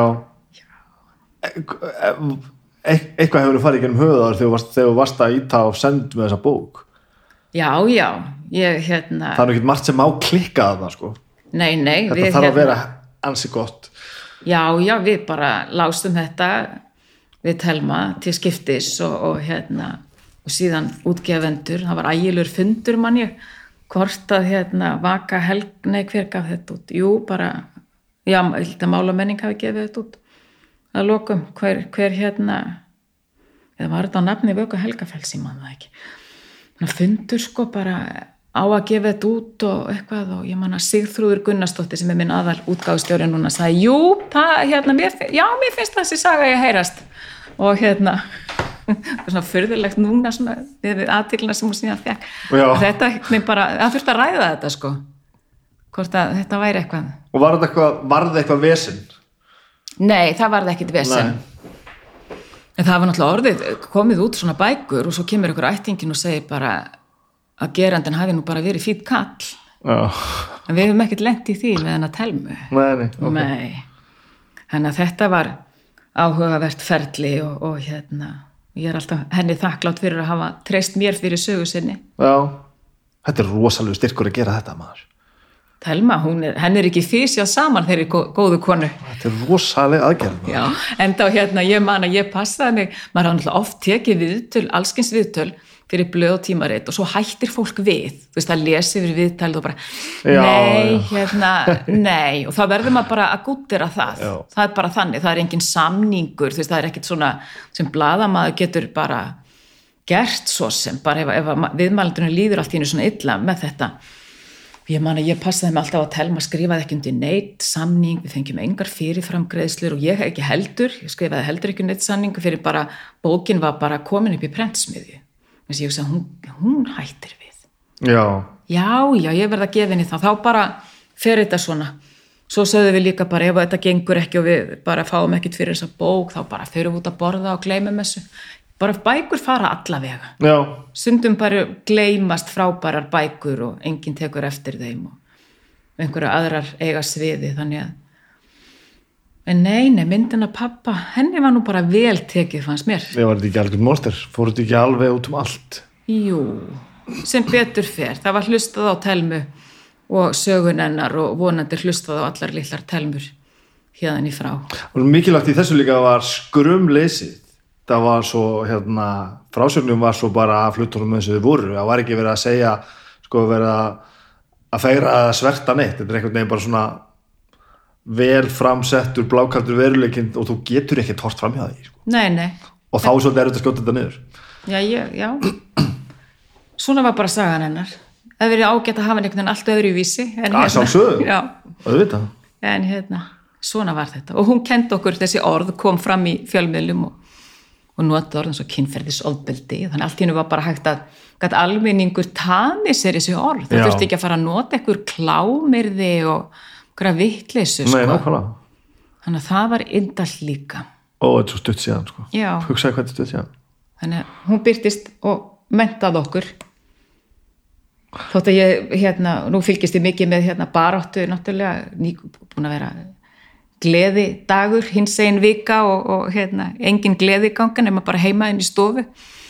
Og hérna og er alltaf baráttu fólk fatlaðir að segja frá sinni reynslu og óskupan og þetta fólk fekk ekki að vinna fekk ekki vinnu, þú veist, trátt fyrir alla sína hæfileika og, og starfskrafta og, og já, ég hérna það sé ótrúlega flóki að þurfa alltaf að vera í þessu baráttu hlutverki. Já, maður þakkar þessu fólki og segir takk fyrir og mikið kvílik hugrekki og elja en, en að þurfa alltaf að vera að sína sig og sanna og benda á misrétti. Já já. Það hlýtur að vera flókið hlutskipti. Og ekki allra þannig að Þetta með að þurfum að tala um þessa bók. Mm. og þú svo voru að tala um bandabækur og Já. svo veit ég að þú hefur skrifað sko ferðabækur og þú hefur skrifað alltaf bara fullt af skáldsögum og alls konar. Pælur eitthvað í því, þú veist hvernig veistu hvernig, hvernig þú ætlar að skrifa hvað? Þú ert ekki bara svona það, það fullt af fólki að núti sem er bara glæpa sagna höfundar já, eða ljóðskáld eða eitthvað, hvað ert þú það og af hverju og hvað, í hvað röð gerist þetta og af hverju? Æjá, þetta er óttlilt rugg en hérna þegar var, ég, mér hætti svo til dramatíkur þegar ég er að yrkja ljóð og nýbúin að skrifa náttúrulega sálumessu sem fjallar um þetta þetta, þessa, þetta síðan nefndar mál Já, og, er- þá konu og, og hvernig þetta fór allt saman og hvernig ég hefði viljað þetta færi í staðin fyrir að hún hefði svitt sér lífi. Þá hérna já, þá hef ég bara stundum þörf fyrir stuð og þá hérna er ég, nú er ég með barnabók í, í haust og það, það er svo mikil kvíld í barnabókunum og ég byrja alltaf á barnabók með því þeirri hugmynd sko að þetta verður svo einfalt, það verður svo gaman að semja þetta maður. Svo er ég búið með fyrstu þrjá kaplana og er alltaf jafn, jafn lens og þegar ég skrifa fullónisbækur. Þetta er ekkert auðvelt. Nei, Þannig að ég er nýbúin að skrifa bók sem kemur út í haust og heitir Íðun og afi punk. Ég veit ég aðtikla nú eru gamlir punkarar þessa lands, odnir afar og ömmur. Já. Og er það eitthvað gott? Þú veist, er þetta fólk ekki bara að spila The Ramones fyrir barnaböndin sín? Vo- vonandi Já. vonum það, Já, þetta, já, þetta er svona samfélagsrýni, ég er að velta fyrir mér, er þetta gott? þetta er frábært Já, auðvitað er það það, ég er bara fýblast. Þannig að yðun situr uppi með afapöng ok, og hérna, svo er hjólunina rænt og það er lúsmý meira að segja líka, þannig að það er allskyns bara hryllingur úr, úr, úr, úr, hérna, úr reynslu heimi íslenskra barna byrtist þarna. ertu að vinna eitt verkefni í einu Nei, ég er með alveg þrjú eða fjögur í einu og nú tókst mér að ljúka yðunni og afapöng fyrir haustið og Haldur Baldursson sonur Baldurs Ragnarssonar sem hjálpaði mér að yrkja í mentaskóla, hann hérna sér upp að teikna myndirnar og leittist þetta og held ég ekkert, hann er af réttu kynnslóðinni gömlu pöngurunum Já. hérna. þannig að já, en svo er ég með ég er með skálsugu fyrir fullorðna í gangi og ég er að að semja líka já, aðra krakkabók byrjaði á henni og svo er ég að semja ljóðabálk um, um, um sel. Ljóðaborkum sel? Já, já, þannig ég að hol, var að Hólmavík í sumar og hitti sel. Undir því yfirskinni að ég þyrfti að hitta sel. Þá dvaldi ég þar tíu daga. Svo kom frænka mín við og við í heimsókn og, og við kyrðum að kirkjubóli til Jóns Jónssonar og reyndum að finna sel, það var alltaf þessi sami selur sem beð þarna steini en, en selur þó. Þannig að þetta var alltaf læg Hvað kom að þessar hugmyndir? Hvað, þú veist afsakað, þú, þú ert alltaf supernörd sko. þetta er bara einhver vittleysa sem maður heyrir og, og, og hérna, einhvern veginn losnar ekki við. Já, hann er að hérna, það er mikið um seli þarna og alls konar sögur um seli að þegar ég segi nörd sko meina ég, það skýn svolítið gegnum að sem þú skrifar, þú, þú nördast alveg, þú ferði inn í einhvern, einhvern málefni og bara borar þig gössamlega út í gegn Já, og hérna, svo er svo skrítið, þegar maður er búin að velja eitthvað svona efni, þá sáldrast, þá sáldrar hugmyndunum yfir mann. Þú veist, einhvern veginn allt sem maður heyrir, það bara, maður, það sogast inn í verkið. Já, Og bara músingir sem ég er að hlusta á og bara takturinn í tónlistinni og allt bara verður mér að vopni. Þannig að það er alveg dásamlegt. Og ég, hérna, blóðhópnir, einu svona orti er, er, er hérna, bál sem heitir blóðhópnir um, um, um ævintýri úr narrarnu goðafræðinni.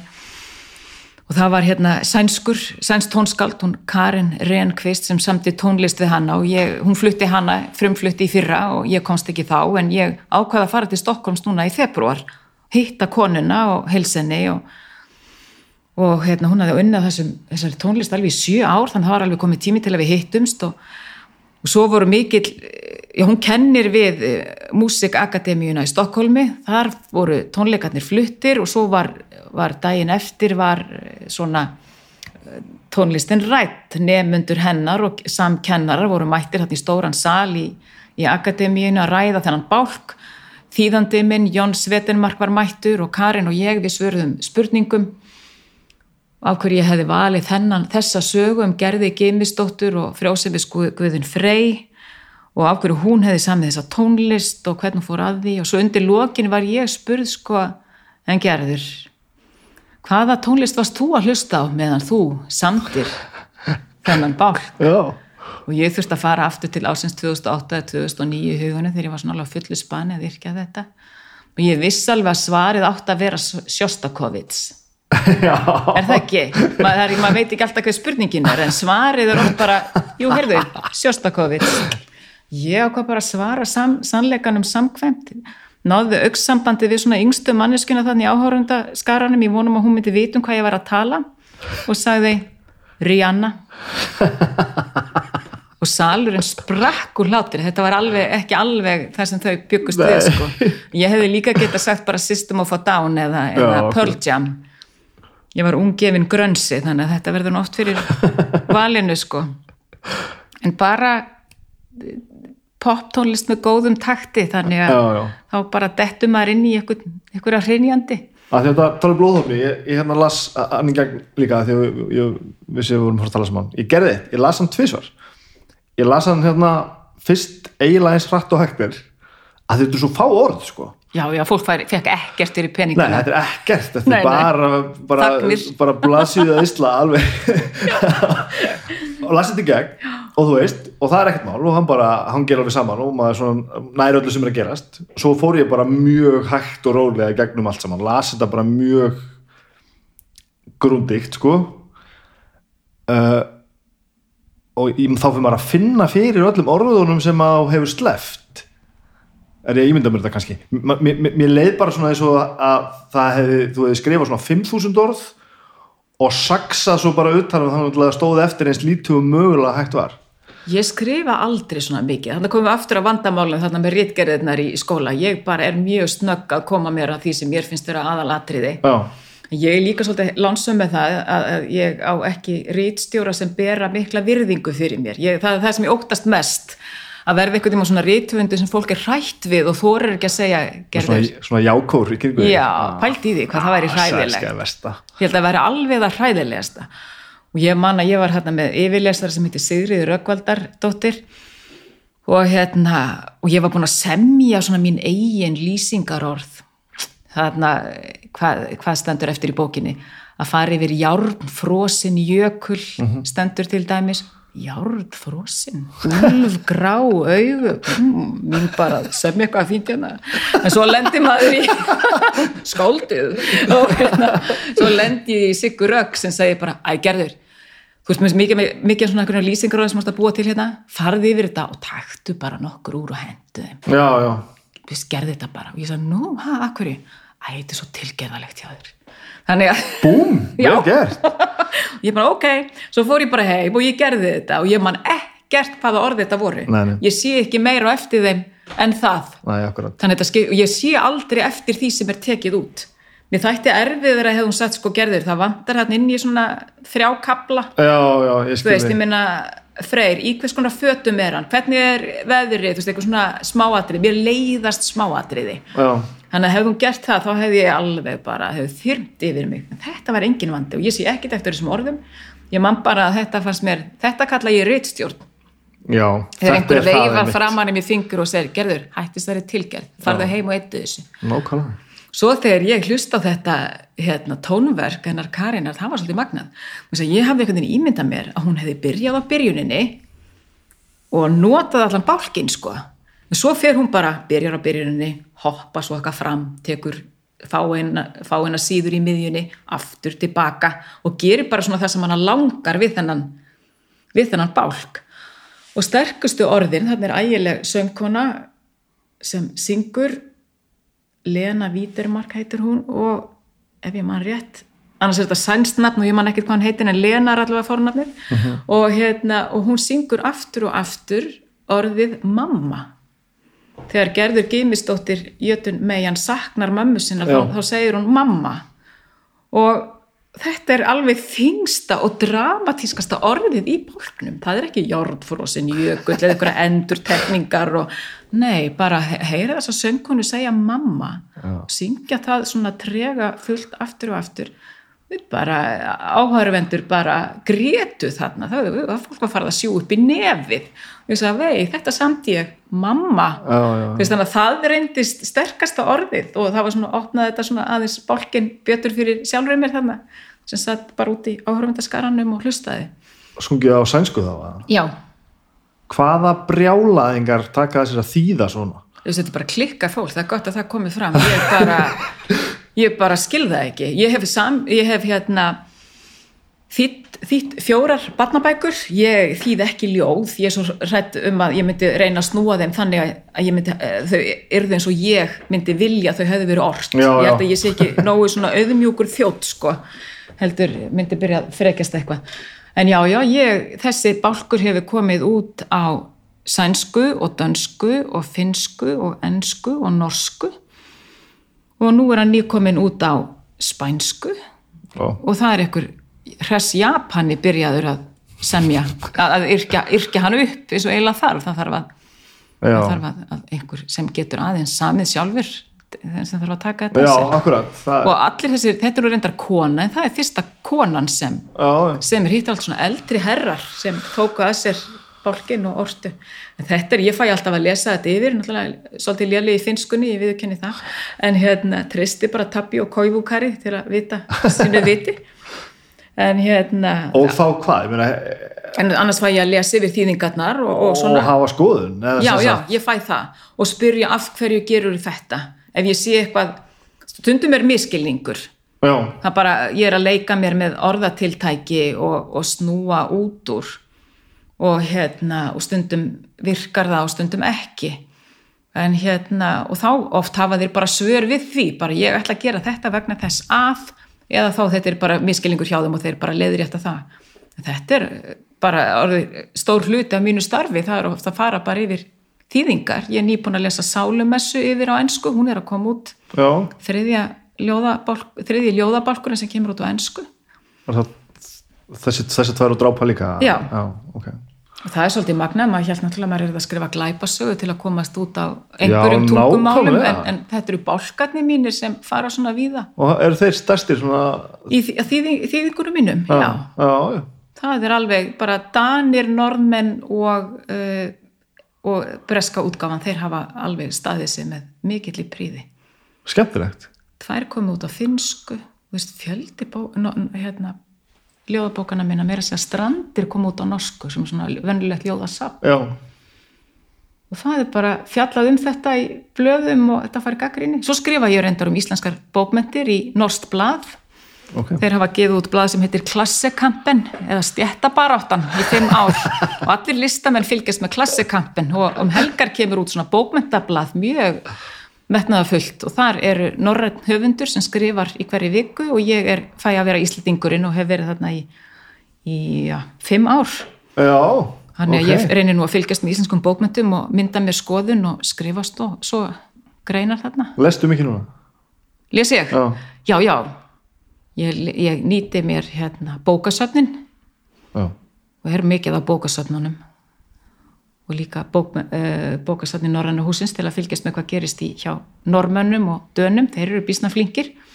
Svo reynir ég líka bara að fylgjast með umræðunni og hérna, bókmynda umræðunni hér, hver, hver það er sem fær aðtikli og hver þykir svalur einhver jólinn og svo gleymist það næst og þetta alltaf áhugavert sko. Hver heldur með hverjum, hver, hvaða gagn það er við það. Já, já, þetta er svona fótboltalið og, og af hverju einhver fær aðtikli og af hverju hann gleymist næst og, og öfugt sko. Já. Þetta eru mikil stjörnurhröp stundum. Já. En það er aldrei á vísan að róa. Það Nei. er, veist, við hérna, erum svo heppin að, já, mér finnst það, ég bara skrifa á Íslandi á íslensku og hér er fólk sem hefur bara áhuga á ljóðabókum. Maður sér þetta á Facebook, það er fólk sem fer bara út í búð og kaupir sér 5-6 ljóðabækur. Bara raður upp stöflunum og monta sig að því. Þetta er bara ótrúlegt að fá að skrifa á íslensku Já. hér á landi. Það sem áhugin er svona mikill. En Svo hérna, þegar veit maður aldrei þegar kemur að batnabókum og skaldsögum fyrir fullorðna hver, hérna, hver fær aðtiklina. Nei. Þannig að þetta er bara skemmtilegt og maður þarf bara að muna að við erum mörg og þegar ég sækjum listamannalön þá hlusta ég bara alltaf á heyr himna friður, nei, heyr himna Smiður. hver skálduð byður, nú fór ég fram úr byrga, rýmar hann ekki til friður hérna, blessaður, en hérna, Kolbi Tumason, en þetta er bara, þá, þá finnum maður hérna auðmygtina breyðast yfir sig og maður mannað, við erum mörgum um hituna og, Já, já. og maður enginn getur ætlast til einsni neins. En hér ríkir allavega góður og heilbriður bókmynda áhugi og það er alltaf gaman. Það er sirkus, við vitum alltaf ekki hvernig verðum við upplæstra í haust ef við erum enn að glíma við COVID-ið. En hérna við lesum bækur, við kaupum bækur fyrir krakkan okkar og höldum bókum að þeim. Það er tvennt sem að, í sambandi við hérna, reitt störfin sem ég langar að vita. Það er annars vegar sko, hvernig vinnur þetta? Þú veist, það er alltaf þetta, þessi mýta með sveltandi listaspýruna sem þarf helst að vera upp á einhverju hálóftu miðan nótt og helst með náli í handlegnum sko. Versus þetta að vinna bara frá 95. Við sko, listamannalaunin bjóða nú ekki upp á stránka heroínótkun skiluru. Það verði ég að viðkenna. Við höfum ekkert efna á því. Þótt gaman væri heflust. Ég las dýrakaspötnin mjög oft sem krakki Já. og hérna, já, já, gott heroín er auðvitað eitthvað sem áhugavert væri að kynnast. Samt ekki. Man er því úr verki. Sannilega. Ég er öryggisfíkill og ég er ótrúlega ferköntuð og, en hérna ég er alveg farin að þekka sjálfa mig. Ég er morgunmanniska, mér líður mjög vel þegar ég vakna og, og hérna spjalla við mitt fólk og síðan fara nú flestir bara í vinnuna eða í skóla eða eitthvað álíka. Ég, ég er gift Kristjáni B. Jónasinni og við eigum síni sem eru 16 og 12 og hérna, og síðan bara hefst ég handa og oft byrja nú vinnudagurinn á því að maður þarf að svara tölvupóstum, það er einhver, einhver sem vantar upplýsingar um hann eða finna myndir eða gefa upp einhver reiknisnúmer eða eitthvað, eitthvað sem vantar svona út á starfi manns. Og þú með aðstöðu heima bara. Þú Já, gerir- ég er með fórstofuherbergi. Ég bý í Skerjafyrði og er svo lánsum að vera með fórstofuherbergi að skrifi. Þar er ég með bækurna mínar og ég er með tölvu Ok. Og hérna svo hefst ég bara að handa og ég fer bara eftir því í hvaða stuði það fer eftir í hvaða stuði ég er í hvaða handrit verður fyrir hérna valinu. Og stundum sé ég eitthvað handriti er komið að loka metrana þá er ágætt að einbytta sér að því og ljúka því svo það komið, komið út um haustið. Ég er með bók á hverju einasta hausti þannig hefur það verið undanfærin ár. Já. Það er alltaf eitthvað handrit tilbúið og ég fyrir, hef, fyrir COVID þá fór ég nú í 8 til 10 utanlandsferður á ári, fór á bókmyndaháttíðir og ljóðaháttíðir og Vá. eða tók þátt í einhverjum bókmyndaumræðum um Haldur Lagsnes eða íslenskar bókmyndir eða hvað gekk nú á út í löndum Þetta var einmitt hitt sem ég ætlaði að spyrja hva, hva, hvað fylgir jobbinu annað heldur að skrifa það er bara, það eru skrifstofu almenn rítarastörf og Já. ferðalög Já, og þá þarf bara að vera svona við hesta heilsu bara einhvern veginn og, og, og geta þetta. Ég er búin að fara þrísvar til Indlands og ég hef farið til Bangladesh og Indonési og Bandaríkjana og, og til Evrópu náttúrulega nokkuð oft og hérna og og þetta er hvað bara, ertu þá að gera? oftast er þetta bókmentaháttíðir og þá bara er, mér, er ég bara á dagskrá. Ég er með kannski tíu mynda upplestur með tveimur, þremur öðrum skáldum eða bara í hópi enn fleiri skálda og fæ mínar fjórar mínútur. Kannski tvís og þrísar meðan að háttíðinni stendur. En í fyrra til dæmis var mér bóðið á bókmyndaháttíð í- út á Mön í Danmörku og þar var ég ein. Þar, þeir bjóða einum höfundi í einu byrjuð að Günther Grass og, og Murakami og, og Karlófi Knáskort og þeir hafa haft Kerstin Ekman. Já. Og Judith Hermann og síðan fannst einhverjum bara að vera komin tími á mig. Og ég var á sviði laugardag og sunnudag frá hálf tvö til klukkan sex með tveimur pissupásum Úf, og ég sé bara, maður þarf að hafa þetta og kunna þetta, þú veist það er mjög ágætt að vera orðin þetta gömul sko, já, ég hef ekki gert þetta 27 ára eða 30, ég hefði svona flissað mig kannski vandræðarlega í gegnum þetta. Þetta hefur verið skrítið. Allavega, allir, allavega er ég komin á það stað í lí- lífinu að ég er búin að skrifa 29 bækur. Vá. Nokkrar þeirra hafa komið út þarna í Danmörku þannig að við höfðum bækur að selja og útgefandin var þarna mættur stoltur við sinni fjölskyld að fylgjast með. Já, já, þannig að maður þekkir allt í einu einhvern í salnum sem er með manni og þetta var dásamlegt. Og hvað varst að gera þessa klukkutíma? veistu, nú bara sat ég uppi með það að, að þannum haustið í fyrra þá hafði e, apparat sem heiti Poet in the City fengið enska drápu ég hafði áður komið fram með því, með því fyrir e, bæri sem skipuleggur lóðaupplæstra í London og þær sögðu bara dömurnar við viljum músík við drápu, þú kemur ekki til London og flytur þetta bara sjálf, við viljum tónlist. Já, þannig að þeir, ré- þær réðu Helga Rafn Ingvason sem er með Alda Orkestra hann er sem tónskáld til þess að hérna, senja músík við drápu. Já. þannig að við fluttum það í september í London og þryggja manna band og síðan hérna, það er svona eitthvað forspil. Síðan fæ ég merki frá Helga. Ég stend upp og les drápu með þeim sem sagt. Ég, við vorum búin að æfa þetta og gera þetta einu sinni í London. Danirnir höfðu frétt af þessu bara með Google og buðu þeim líka. Þannig að þetta fannst stöðunum mjög flott að geta verið með tónlist og bókmentir og þannig að við höfum flutt þetta í Danmark og Englandi en, en ekki, ekki hér á landi, ekki ennþá og hérna og síðan var bara umræður, þarna var ég með þýðandunum mínum, Erik Skýjum Nílsen hann eh, spurði mig út í ferilinn og bækurna mínar eftir að tónleikunum lauk. Og síðan var mættur þarna eh, Shadi heitur hún feministi mikill og ljóðskáld og þýðandi og, og hlíti mér yfir næsta dag. Síðan var bara sest við að áreita bækur og þetta var dásamlegt. Þetta var ótrúlega gaman að prófa þetta. En maður á samt aldrei að halda í Danmörku sem Íslensk skálda maður sé eitthvað vegna að ég manaði hérna fyrri daginn þá í hátteginu máttu við fá ókipi samlokur ég og hljómsveitin. Og þarna voru sko plaggut með mér út um allar trissur á þessum stað. Þetta var svona félagsheimil út á landistemningin sko, plaggut með mér andlitinu, vel fótasjópuð andlitin á mér. Og við stóðum hann í röð ég og hljómsveitin og byðum eftir að fá aðfendar samlokunar okkar. Danmörk, þið smöbröð og hérna og hljómsveitin var á undan og fekk samlokurnar sem var komið að mér og ég rétt út höndina sem svo Oliver Twist og daman leit á mig og sagði hver er þú? Ert þú með hljómsveitinni?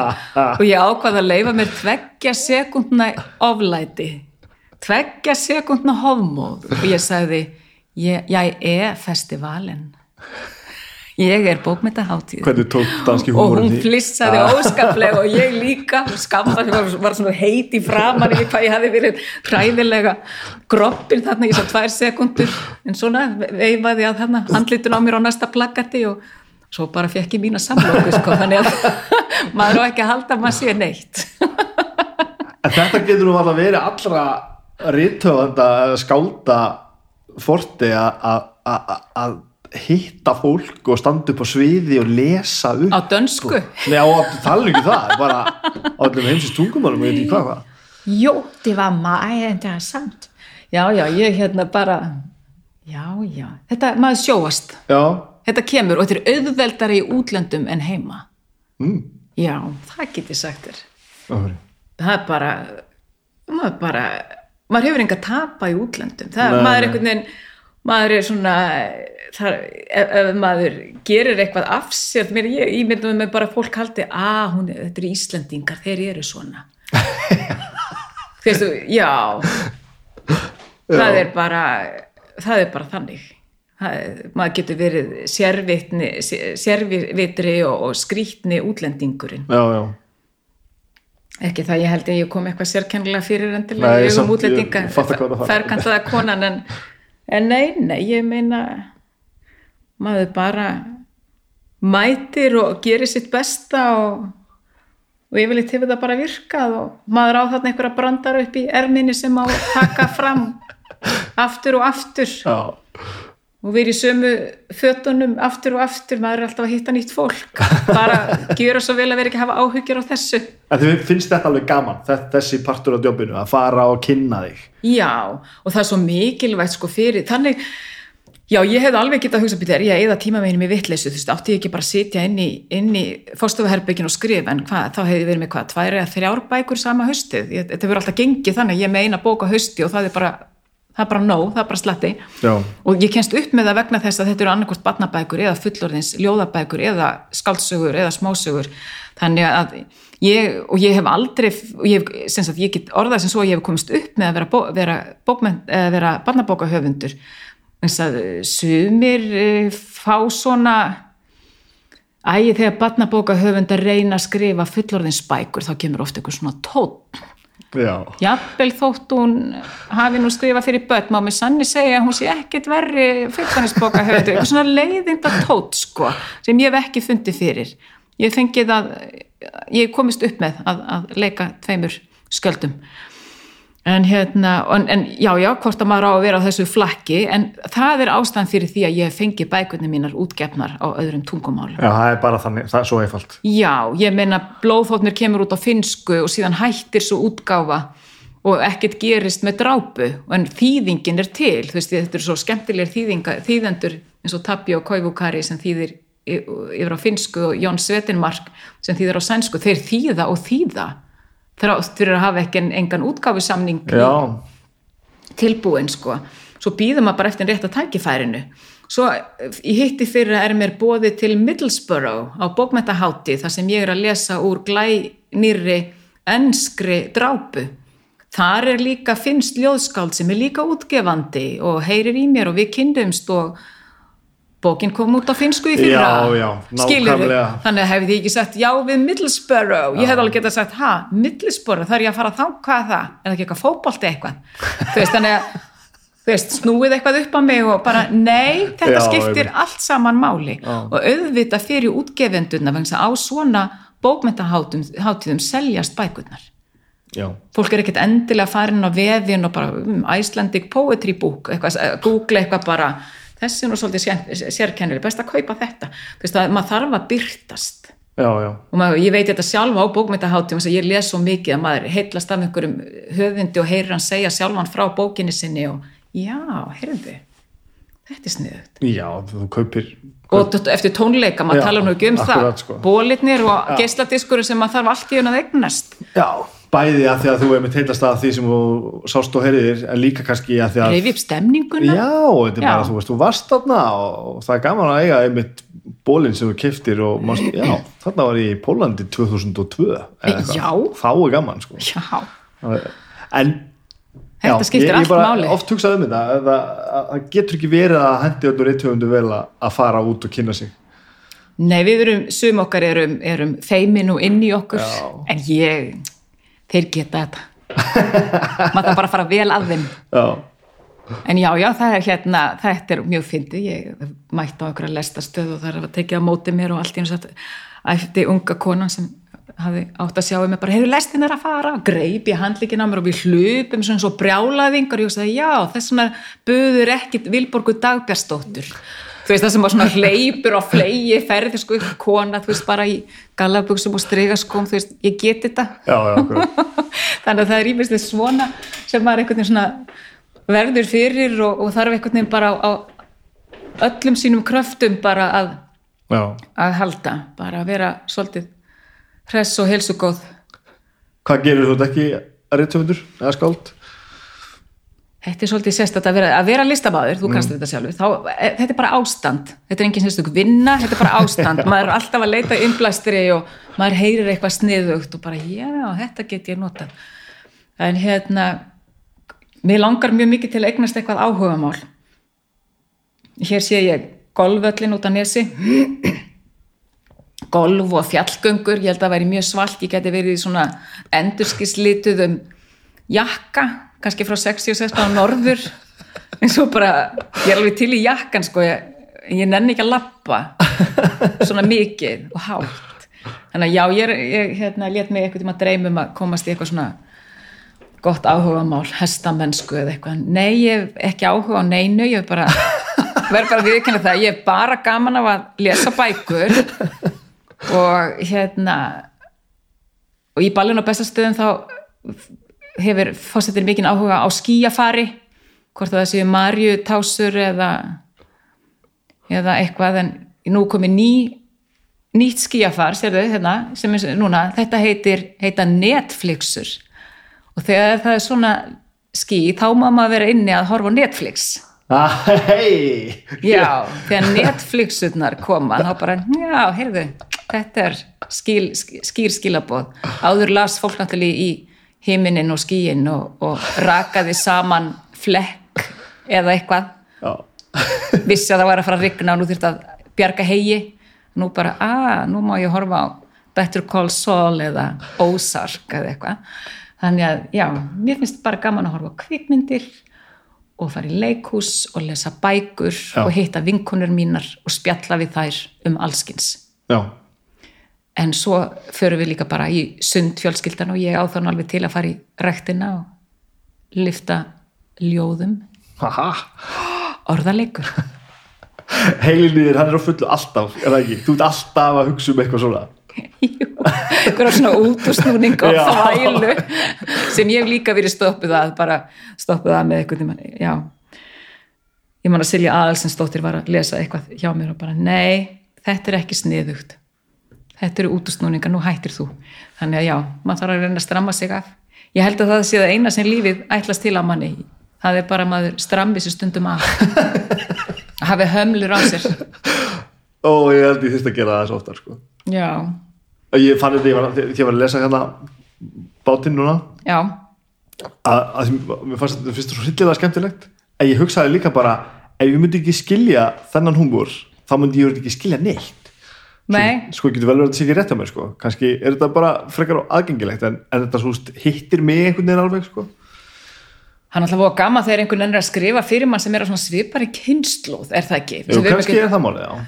Ég skrifaði bók fyrir fárum árum sem hérna, ég, sem heitir Smarties, mér fannst einhvern veginn komið tími til að skrifa um hvernig var að vera 15 ára árið 1985, maður er einhvern veginn svo vanur að lesa eitthvað frá vikingatímanum, Já. er það að vinna með sturlungu eða, eða njálsögu eða lagstælu, síðan er það bítlatímabilið, mikið óskup sem þeir sem hlustuð á bítlana sem 12 ára gamlir drengir yfirleitt í vogunum hafa gaman af að segja manni frá þeirri upplifun. En einhvern veginn bara safa mýrin og allir bara hlusta á ég veit það ekki, prefab sprout hétt eða hérna modern talking. Er ekki líka ykkur poesía í modern talking? Cherry cherry lady best að skrifa um það þannig að hérna já já, þannig að hérna gá hvað gerist Já. ef maður skrifa bara um sjálfa sig hvort að það sé ekki ykkur, ykkur poesía í milletúlpunum og legglifunum Og hvað er Ég- það að gera næst? já, hvað er ég að gera næst? ég held áfram að yrkjum selin Já, og svo er ég með fullorðinsbók, allt í hennu kom svona kvíld yfir mann og ró þegar maður mátti ekki fara til útlanda út á COVID og allt í hennu bara vissi ég nákvæmlega hvernig ég ætlaði að segja þá sögu. Já, engir farmiðar í, í skuffu og ekkert sem ég þurfti að gera annað en að sitja í, í, í fórstöðuherberginu mínu. Þannig að það var, hefur verið bara ágætis tími og mér hefur verið orðið mikið úr vinnu að minnst okkur stundafönnu og svo hérna já, það er svona skaldsaga um, um unglingsdreng og móður hans í, í Reykjavík og svo langar mig til að semja aðra barnabók, framhald af þeirri sem kemur út í haust. Svo langar mig til að semja eitthvað til mann framhald af Smartís einhver mentaskóla ár, þetta var Já. svona gagfræðaskólinn í Smartís þannig að mér leggst eitthvað til, ég hef nóg að gera næstu áratugina. Það er bara þannig, þú Já, með eitthvað svona þú veist, já, þú ert, að, þetta er alltaf að leiðin eitthvað, þú ert alltaf að ég heyrði einhvern tíma að segja að þú reyndir að forðast að eins og mögulega getur að endurtaka þig. Já, ég voru hrætt um það einhvern tímann heyrði ég sagt um höfund bara já, er hann ekki alltaf að skrifa sömu bókina? En mínir uppáhalds höfundar sko, þeir skrifa endalaust sömu bókina. Já, Mér finnst það alveg áberandi þegar ég les hérna, norska og sænska höfunda. Og hérna Per Ólaf Engqvist sem dó hérna í vor, orðin eldgamall sví, var sví hann hérna hann endur tekur sömu sögurnar aftur og aftur í bókunum sínum og hann talaði bara um bækurnar sína sko sem við, hann var, það var svona viðbygging. Það var allt sama húsið sko. Já, en viðbygging, bara ok, en áhugavert. Og hérna svo heyrði ég líka einhvern veginn dæst yfir einhverjum höfundi bara já, er hann ekki alltaf að skrifa bara um sjálfan sig? Það þykir einmitt að smartasta núna. Já. allir að skrifa um æsku sína og fjölskyldu og þannig að það er bara maður á bara að vera opinn fyrir því sem sem bara sprettur fram í hugamanns og, og trúa því að þetta sé til einhvers. Já, og maður veit aldrei hvað gerist með verk þegar þau koma í, í hendur annara einhver sér eitthvað úr þeim sem maður átti að ekki á sjálfur og, og þá rekkur nú eitthvað skemmtilegt í gang. Já varst aldrei efins um það sem átt að gera eða, jú, jú, það er bara partur af prógraminu. Ok, það væri bara bara hjálpið mér, það er bara hluti af þessu, svo bara veit ég að, að ég er alltaf mjög bjart sín á, á mótnana og ég er bjart sín tíu mánuði á ári. Svo koma februar og mars, þá er ég mjög svart sín en þá veit ég bara, ég hef ekki vera að hlusta á þessar rættir, þetta er bara februar Já, nú bara februar, þá er maður bara í fílu sem betur fyrir februar stuttur. Þannig að hérna og, og mars bara, þá veit maður, já, já, það kemur aprílbræðum þannig að þetta er bara ágætt. Þú er bara búin að læra þetta bara. Já, já, ég er búin að læra á þetta þannig að listamaður sem held að allt væri frábært eða bara einhver manneskja bara. Þetta var alltaf frábærar kleinur sem maður bakaði og það er ekki manns eigið að dæma heldur þeirra sem borða þeir þannig að en hvað áttu svona eftir að gera? Hvað á ég eftir að gera? Hmm. Yrkjum sel. Já. Þú ert svolítið bara í þessum þakkagangi, þetta eru bara Já, litlu já. hlutinni bara sem verða eitt stór já, bara halda áfram að, að, að hérna, maður veit aldrei hvað gerist maður, ég ætlaði eitthvað tímann aldrei að þýða bækur, nú er ég búin að þýða fjórar og ég ætlaði sko aldrei að skrifa viðtalsbók. Það var náttúrulega bara fyrir Nei. einhverja blaðamenn og mér fannst ég veginn vera eitthvað meira en það. Svo skrifaði ég viðtalsbók og, og það reist nú bara ferill minn hæst Já. og ég vil leiði niður á við síðan. Þannig að ég hérna þetta er bara skemmtilegt svo einmitt skrifa ég um bækur í hérna í Norst blað. Og það er mjög gaman þá er ég svona, þegar ég kem til Noregs á bókmyndaháttir þá er ég svona, get ég kynnt, við sem gerði sem skrifar í klassikampen og þá bara kynkar fólk kolli og það er gaman. Já. maður er svona hlut af einhverju staffi. Og hérna já, já, ég var fullt eftir maður.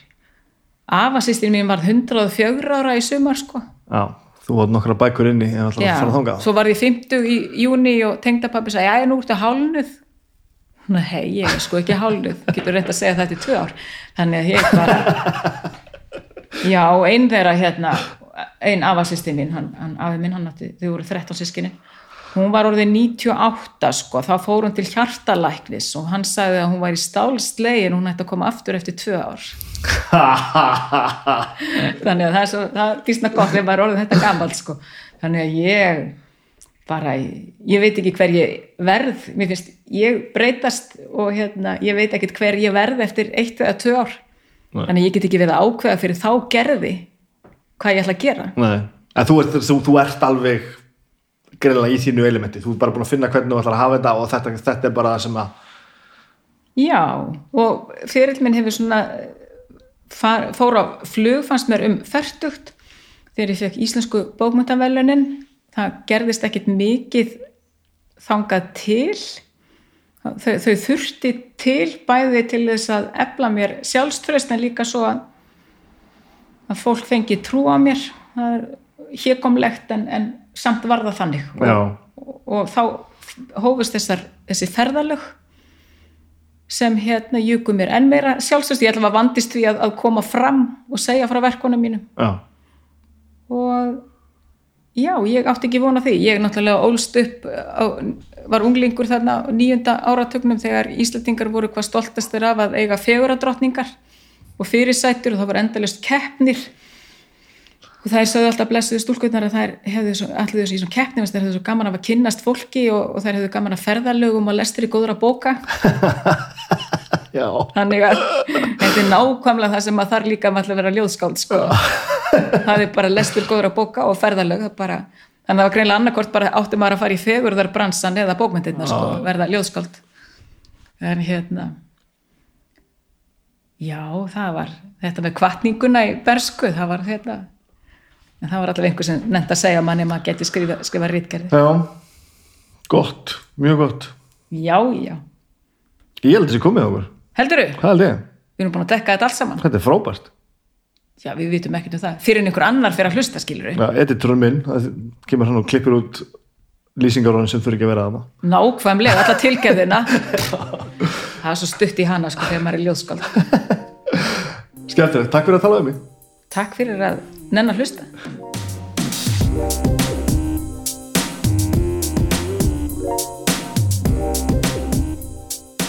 Og þannig var það nú.